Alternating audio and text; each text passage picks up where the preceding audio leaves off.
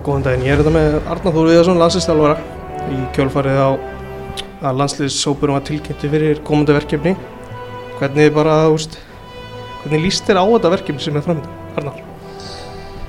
Ég er náttúrulega bara mjög spenntur, alltaf gaman þegar það eru leikir. Það er, þegar maður er í þjálfun þá vil maður þjálfa og vera með leiki og æfingar þannig að það er alltaf, það er alltaf langt á milli þeirra í landsliðinu þannig að hérna, við erum spenntir og, og, og við hlökkum til að takast á við þess að þrjá fyrstu heimaleiki okkar. Þetta er núna þriði hópurinn sem við erum að velja og búin að spila sex útileiki yngar til. Þannig að hérna, þetta verður spennandi og maður þekkir það sjálfur sem leikmaður að, að, að spila hérna lögutusvelli vonandi fyrir fram að fullta árundum það er það skemmtilegast sem maður gefur. Og hérna þannig að við erum bara fullið tilökunar Staðan í riðlinum er alveg, hún er erfið en það er, er möguleikar í stöðinni Já, já, það er alltaf möguleikar uh, þangað til að uh, sko, þú ert búin að tapa hver mörgum stegum uh, og þessi riðill er bara það síndi sér bara í massa þessi riðill er svo litið öðru sér heldur að menn kannski gera sér grein fyrir. Sko þetta er bara mitt mat á stöðun er það að, að fókbóltinn í Evrópa hefur breyst svolítið síðan að Nations League þjóðdeildin kom. Er nefnilega þetta deildakerfi A, B, C og D er að gefa ákveðnum þjóðum rosalega mikið eh, og þá er ég aðalega að tala um sjálfströst og svona möguleika á að, að, að byggja upp lið og byggja upp þeirra taktík og, og leikstíl. Og við sjáum það bara til dæmis á Norður Makedóniu sem að, að fyrir á loka kemnina í gegnum eh, play-offs í, í þjóðadeildina. Þeir fá náttúrulega gífurlega, gífurlega sjálfstörst á að spila, heldur að það hefur verið séteild mm -hmm.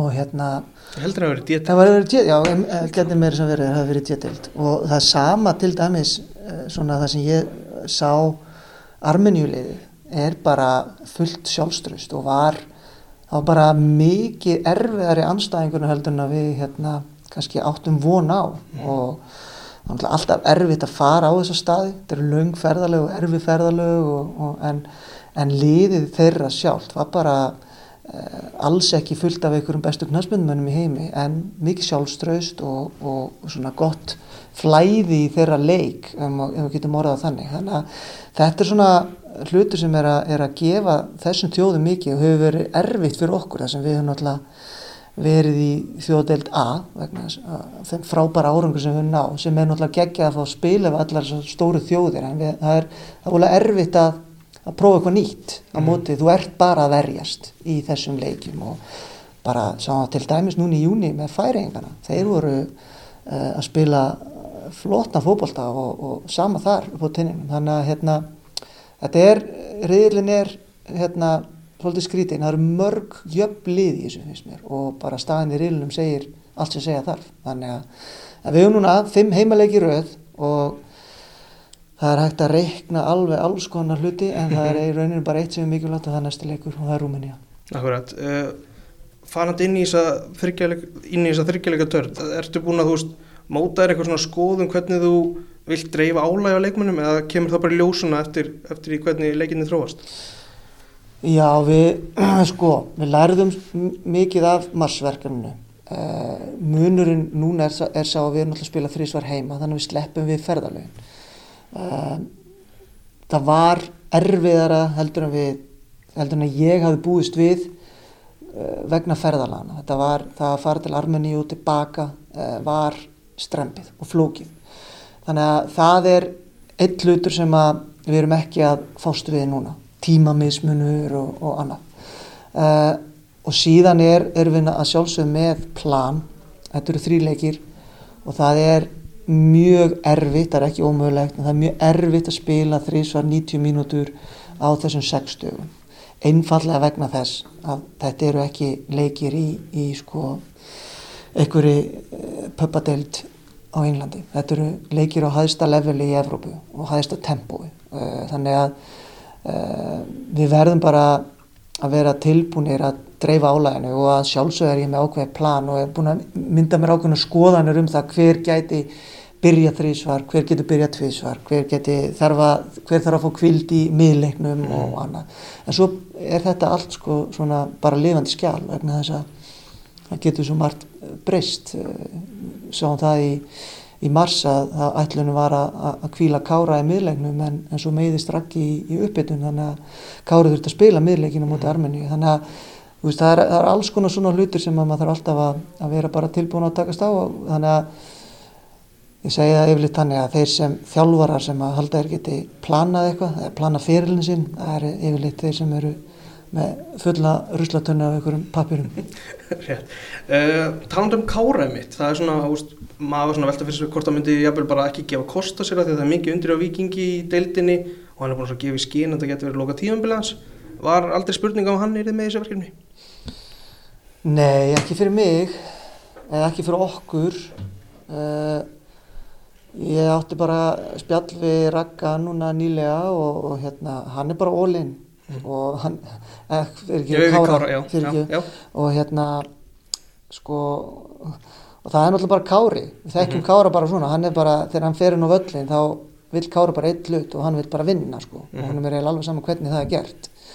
Uh, þannig að það er bara rosalega stert og mikilvægt fyrir okkur sem sem teimi að, að hafa þessa karaktera með okkur í, í þessu og hérna Kári er ekki bara mikilvæg fyrir liðin og vellinum, Kári er, getur líka verið mjög mikilvæg fyrir ungustrákana að, að svona leiða þá inn í, eða gefa þeim svona, gefa af sér og mm -hmm. kenna þeim út frá þeirri reynslu sem hann hefur mm -hmm. og hérna, þetta eru bara hluti sem Kári er alveg hérna, tilbúin að gera núna hvort sem það er bara núna í september eða í oktober og november eða hvort hann síðan heldur áfram eitt ári viðbót sko, maður veit aldrei Nei, en kostin á, þú veist, þú nefn, nefnir Ragga, ég hef svona, maður sér að hann er ekki í hópnum mm. uh, voruð þið svektir að hann væri að koma heim, þú veist, er hann að spila of lág leveli eða eitthvað svoleiðis upp á landslið uh, og hvernig er svona metir svona mögulegan að verða með í framhaldinu? Nei, það er alls ekki Sko, ég, ég er aldrei svektur þegar leikmennir er að spila og við höfum nú bara eina reglu ég reyna að vinna eftir einni reglu og það, sko, það er rauninu þannig að mér er alveg saman hvað það heitir mm -hmm. uh, eða hvað þú ert að spila. Og ég meina við vorum með í mæ og júniverkefni að sjálfsög vegna þess að voru ekki, ekki allir sem voru uh, til taks. En vorum með marga leikmenn sem voru að spila á Íslandi og stóðu sér frábæla uh, ég hérna bara taka eitt dæmi, Gísli Eyjóls kom inn í það verkefni og, og hérna, stóð svo frábælega en er ekki núna. Og ég þarf ekki að, þarf ekki að minnast á mm -hmm. Káamannin, mm -hmm. hvernig, hvernig, hvernig það uh, fór allt saman og, og hvar hann er núna. Þannig að það er alls ekki þannig að þó að Raggi sé að koma heim og spila fylgi að það sé eitthvað eitthva verða fyrir hann. Það er bara, ég er mjög ánæður að Raggi sé að fara að spila fókbólta.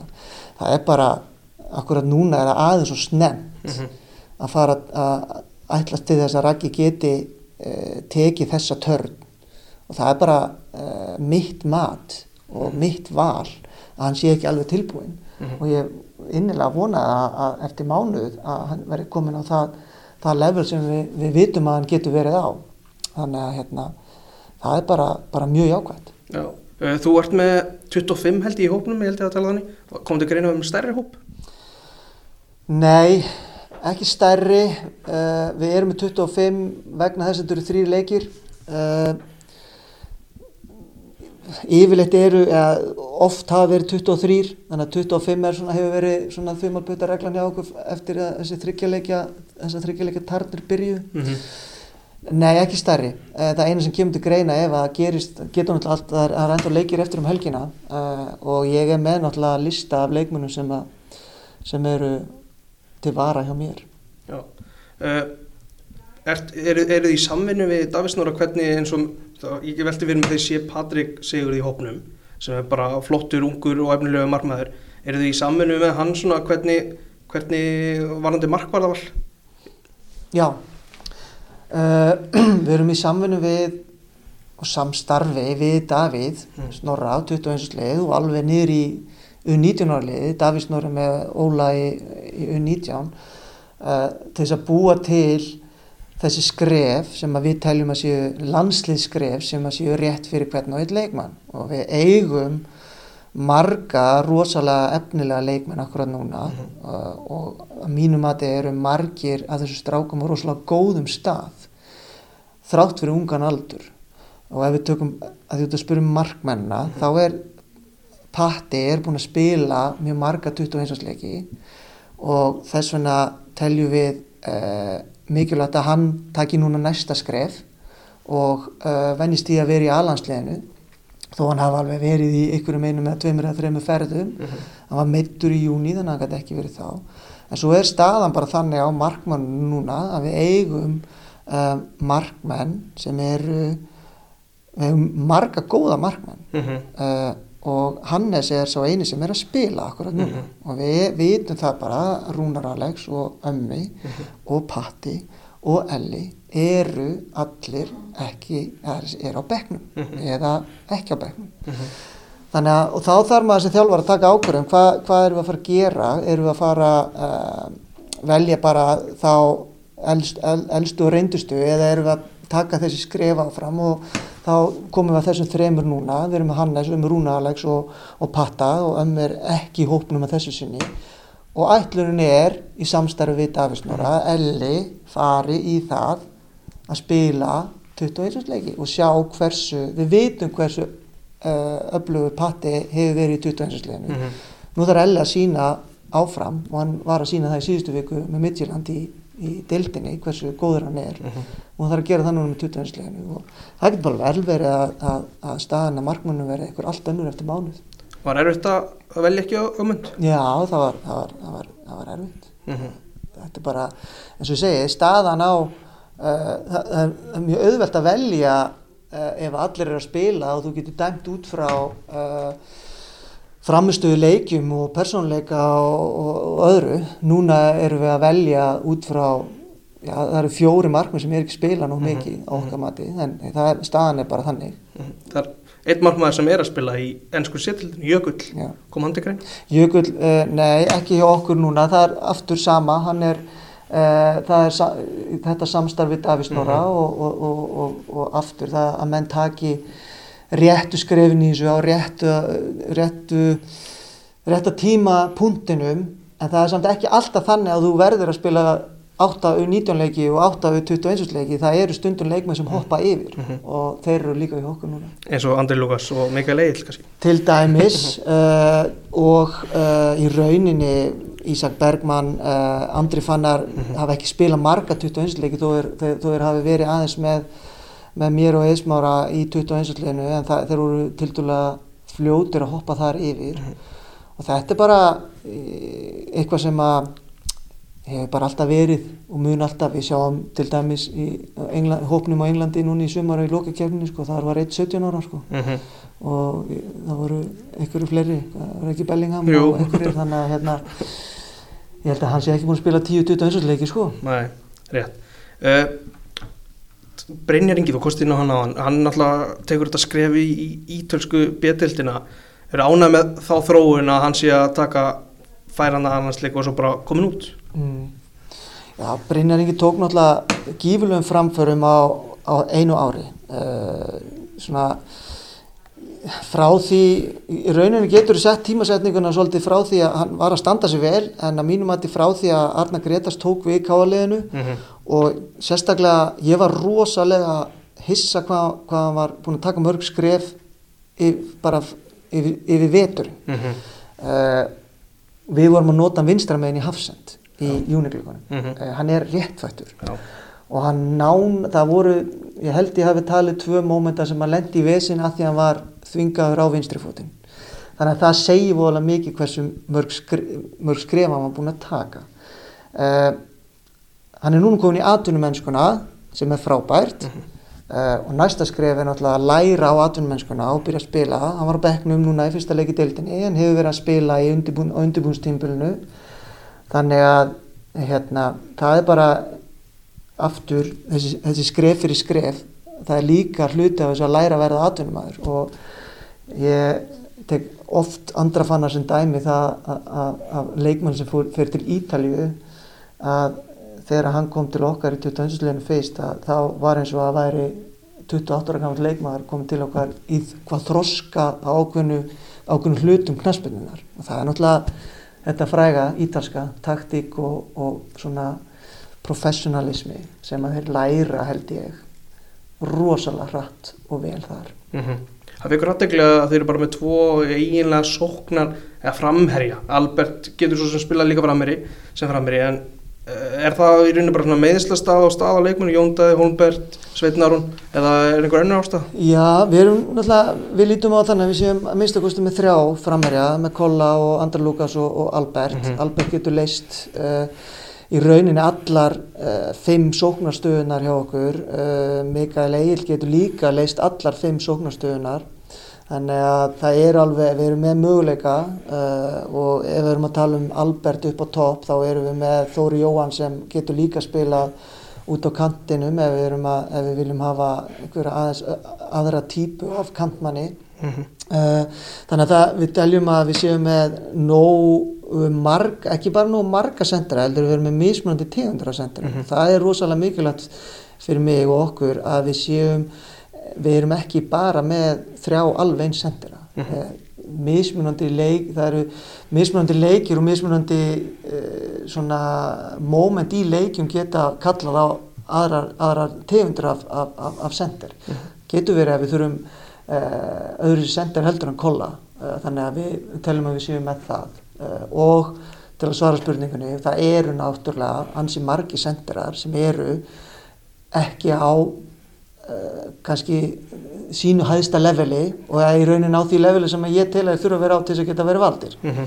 og, og hérna það er bara mismönd ástæð fyrir því þeir að koma upp um meðslum er ný byrjar að spila eftir meðsli eða eru bara að koma upp um meðslum og Alfreð er til dæmis besta dæmi um það og Alfreð er að mínum að þetta er líka besta dæmi um, um leikmann sem að, sem að skilur nákvæmlega hvað til þarf til þess að vera í landsleginu og við átt mörg góð samtöl við Alfreð sem að það sem Alfreð gefur líka bara til, til, til kynna að ég bara, ef ég er ekki reddi til þess að fara all in þá, þá hefur þetta ekkert upp á sig. Mm -hmm. og það er það sem er náttúrulega rosalega mikilvægt ekki bara í atvinnumennsku, bara alltaf í fútbolta og við talum ekki um hjá landsleginu við séum með leikmenn sem eru nánast 100% helst 110% inn á vellinum. Og það er svona þessi skilningur og svona hjá Alfreð sem að hérna, hann, hann skilur það mjög vel að hann vill verða, vera 100% ára en að kemur. Já, Björn Bergmann, ba- gaf hann kost á sig? Já, hann var allavega inn í myndinni, ég talaði ekki við Björn Bergmann eh, fyrir þennan glugga einfallega vegna þess að aftur, hann er líka Mhm, komin tilbaka, ég held að hann sé bara búin að spila þrjá leiki eftir eh, meðslin eh, og aðalega búin að koma inn á í Evrópakefni, er búin að sjá kom, þegar hann kom inn á 2003 og núna í Evrópakefni, þannig að það er bara sama þar, Mhm. eh, ekki, ekki alveg á, á, á svona sínu besta leveli. Jóndaði, veistu eitthvað svona hvað, hvað, hver er hans vilji, var þetta bara sína framtíð hjá Millwall? eða? Já, bara, sko, Jónda er bara akkurat núna ekki inn í myndinni hjá uh, Millwall og, og, hvað svo sem gerist núna á næstu dögum, ég meina glugginn er ennþá opinn Mhm. og ég, maður vonar að, að Jóndaði uh, komist annarkort inn í hópinu liði hjá Millwall aftur eða eitthvað annað vegna þess að Jóndaði er bara uh, rosalega uh, góður leikmaður fyrir þjálfara að hafa Mhm. og hérna það er, var ekki, það var alls ekki auðvöld að skilja Jóndaði eftir. Uh, leikmæður sem er ekki valin líka Hol, Hólmar Örn, eða var hann í myndin? Hólmar er, hefur eh, hérna ákveðið að, að gefa ekki lengur kost á sér í, í landslið og hérna bara uh, berum virðingu fyrir því.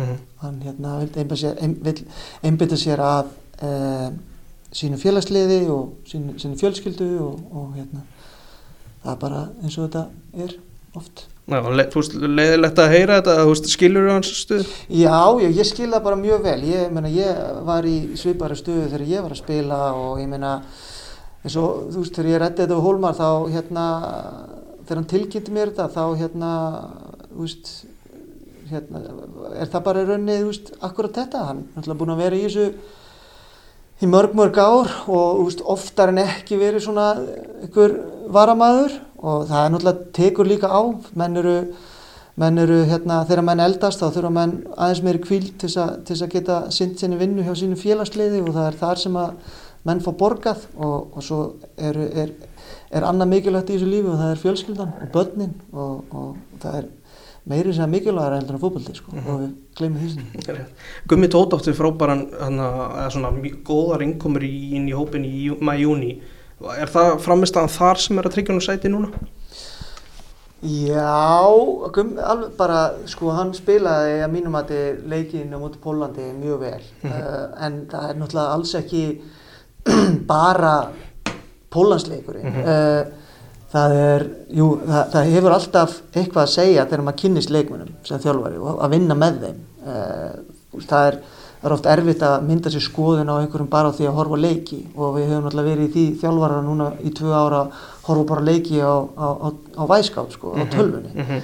þannig að það er hérna en, en bara hans framistaða í, í bandarækjunum og bara í, í ferðinni allri í mæ og júni var bara hérna og núna undanfanna mánuði þá hann hafi ekki núna undanfanna vikur ekki alltaf verið í liðinu á New York en þá hefur hann bara stimplað sig mjög vel inn og, og hérna að mínum að þið uh, bara skilið að vera valin þennan hóp mm -hmm. Síðasti held ég leikmæri sem ég ætla að spyrja út í er Viðar Ari sem er búin að vera funneitur í, í Nóri mm. var hann nálagt hópnum?